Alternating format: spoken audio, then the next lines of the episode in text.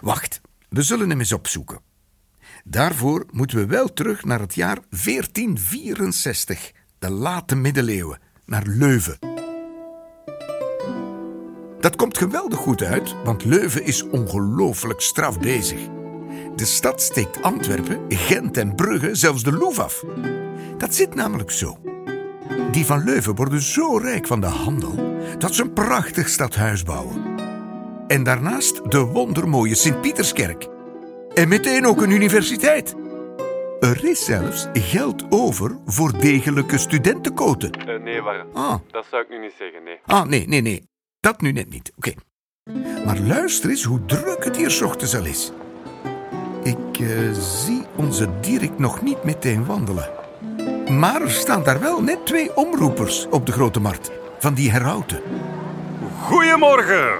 Goedemorgen. Je luistert naar de ochtendomroep. Kan iedereen ons goed horen? Oh, even opzij voor die kar. Ah, we hebben al meteen een eerste beller. Hebt u een verzoeknummer? Ikke? eh, Nee, sorry. Ik heb lepra, vandaar mijn bel. Maar, eh, Maar mag ik nog de groeten doen aan mijn mama? Nee, dat gaat niet. Oké. Trouwens, daar klinken grotere bellen. De klokken van onze nieuwe Sint-Pieterskerk. tijd voor de hoofdpunten van het nieuws.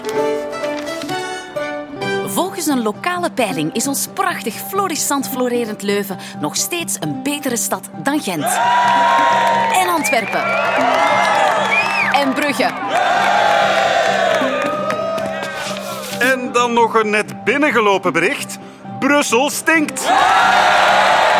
We hebben ook nog wat berichten van luisteraars. Beatrice uit de Vaartstraat laat weten dat je van het water in de waterput spetterpoep krijgt. Je gaat er dus niet meer van dood. Geweldig. Bul Bernard zoekt nog publiek voor een try-out. Oh, dat is altijd brullen. En er is een twee kopen, één betalen promotie bij schilder... Be- de- Oh, oh, dat is lastig. Dat laatste stukje met de naam op is afgescheurd van mijn papiertje. Oh, jammer. Een streepje muziek.